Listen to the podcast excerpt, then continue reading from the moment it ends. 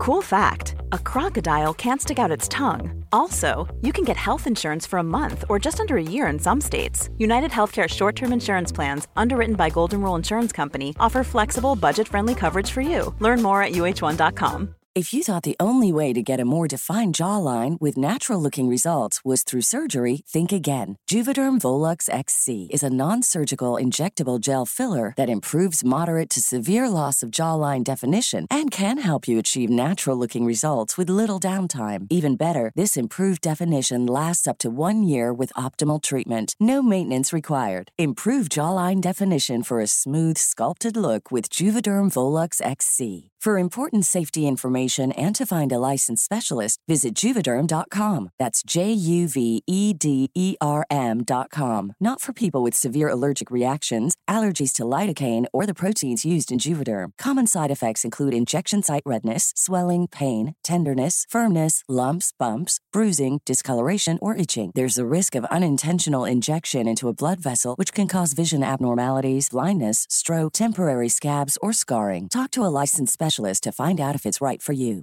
Millions of people have lost weight with personalized plans from Noom, like Evan, who can't stand salads and still lost 50 pounds. Salads, generally, for most people, are the easy button, right? For me, that wasn't an option. I never really was a salad guy. That's just not who I am. But Noom worked for me. Get your personalized plan today at Noom.com. Real Noom user compensated to provide their story. In four weeks, the typical Noom user can expect to lose one to two pounds per week. Individual results may vary. Henry läser Wikipedia.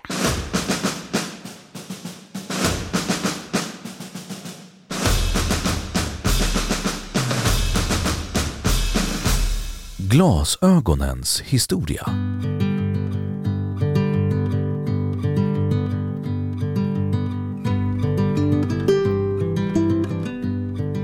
Glasögon är korrektionsglas eller skydd för ögonen bestående av slipat glas eller plast som kan vara färgat eller ofärgat. Vanligtvis finns ett glas, det vill säga lins, för vardera öga och dessa är monterade i en glasögonbåge som hålls på plats av små plattor, sadlar, på näsryggen och skalmar som går bakom öronen. Etymologi Det svenska ordet brillor kommer via lågtyska från det italienska ordet barelle, vilket härstammar från det latinska ordet beryllus. Beryll betyder kristall.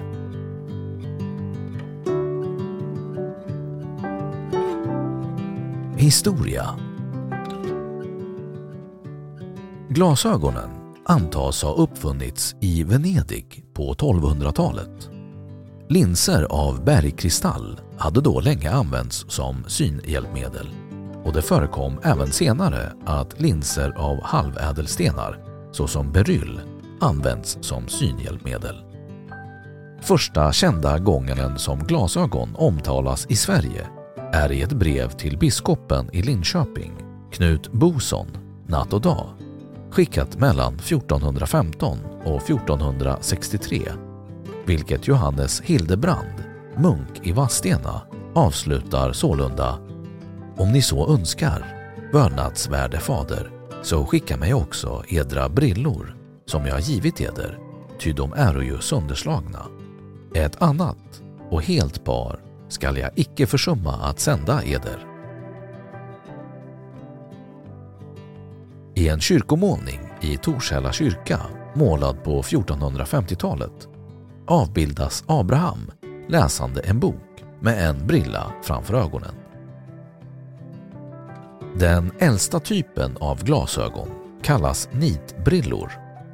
Två skaftade glasinfattningar sammanhålls av en nit. Redan på 1300-talet började man dock tillverka bågbrillor i vilka glasinfattningarna förenas med en fjädrande båge på samma sätt som senare tiders pince. Bågbrillorna kom under 1500-talet att tränga ut de äldre nitbrillorna. Staden Nürnberg blev under 1500-talet en stor exportör av glasögon till hela Europa. En export som förblev viktig för staden ända fram till 1700-talet. I början av 1700-talet började man i England att förse glasögonen med sidoskalmar. Till en början slutade dessa vid tinningen med en rund ring eller platta.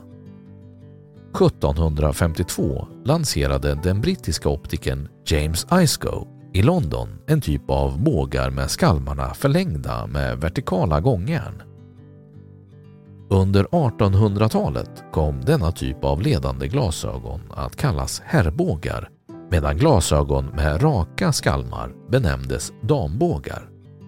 Båda typerna tillverkades in på 1900-talet. 1800 tog Dudley Adams patent på en metod att framställa ovala glasögonglas. Med detta bröts en nära 500-årig tradition med runda glas. I detta sammanhang var även fyrkantiga glas på tal. Men några fullgoda glasögon av avvikande form blev inte möjliga förrän man i Frankrike lärt sig framställa symmetriskt cylinderglas 1813.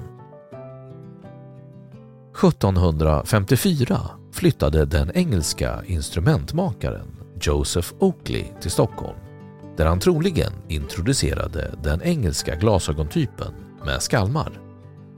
Redan tidigare hade dock instrumentmakaren Daniel Ekström tillverkat glasögonbågar i Sverige. 1755 erhöll hans elev Anders Wahlbom rättigheter att inrätta fabrik för tillverkning av glasögonbågar. De äldsta bevarade glasögonen med skalmar är ett par silverglasögon med Adolf Fredriks monogram på etuiet, vilka enligt uppgift ska ha tillhört ärkebiskop Samuel Troilius. Under början av 1800-talet var det vanligt att glasögonbågar tillverkades av guldsmeder. På 1860-talet introducerades ridbågarna.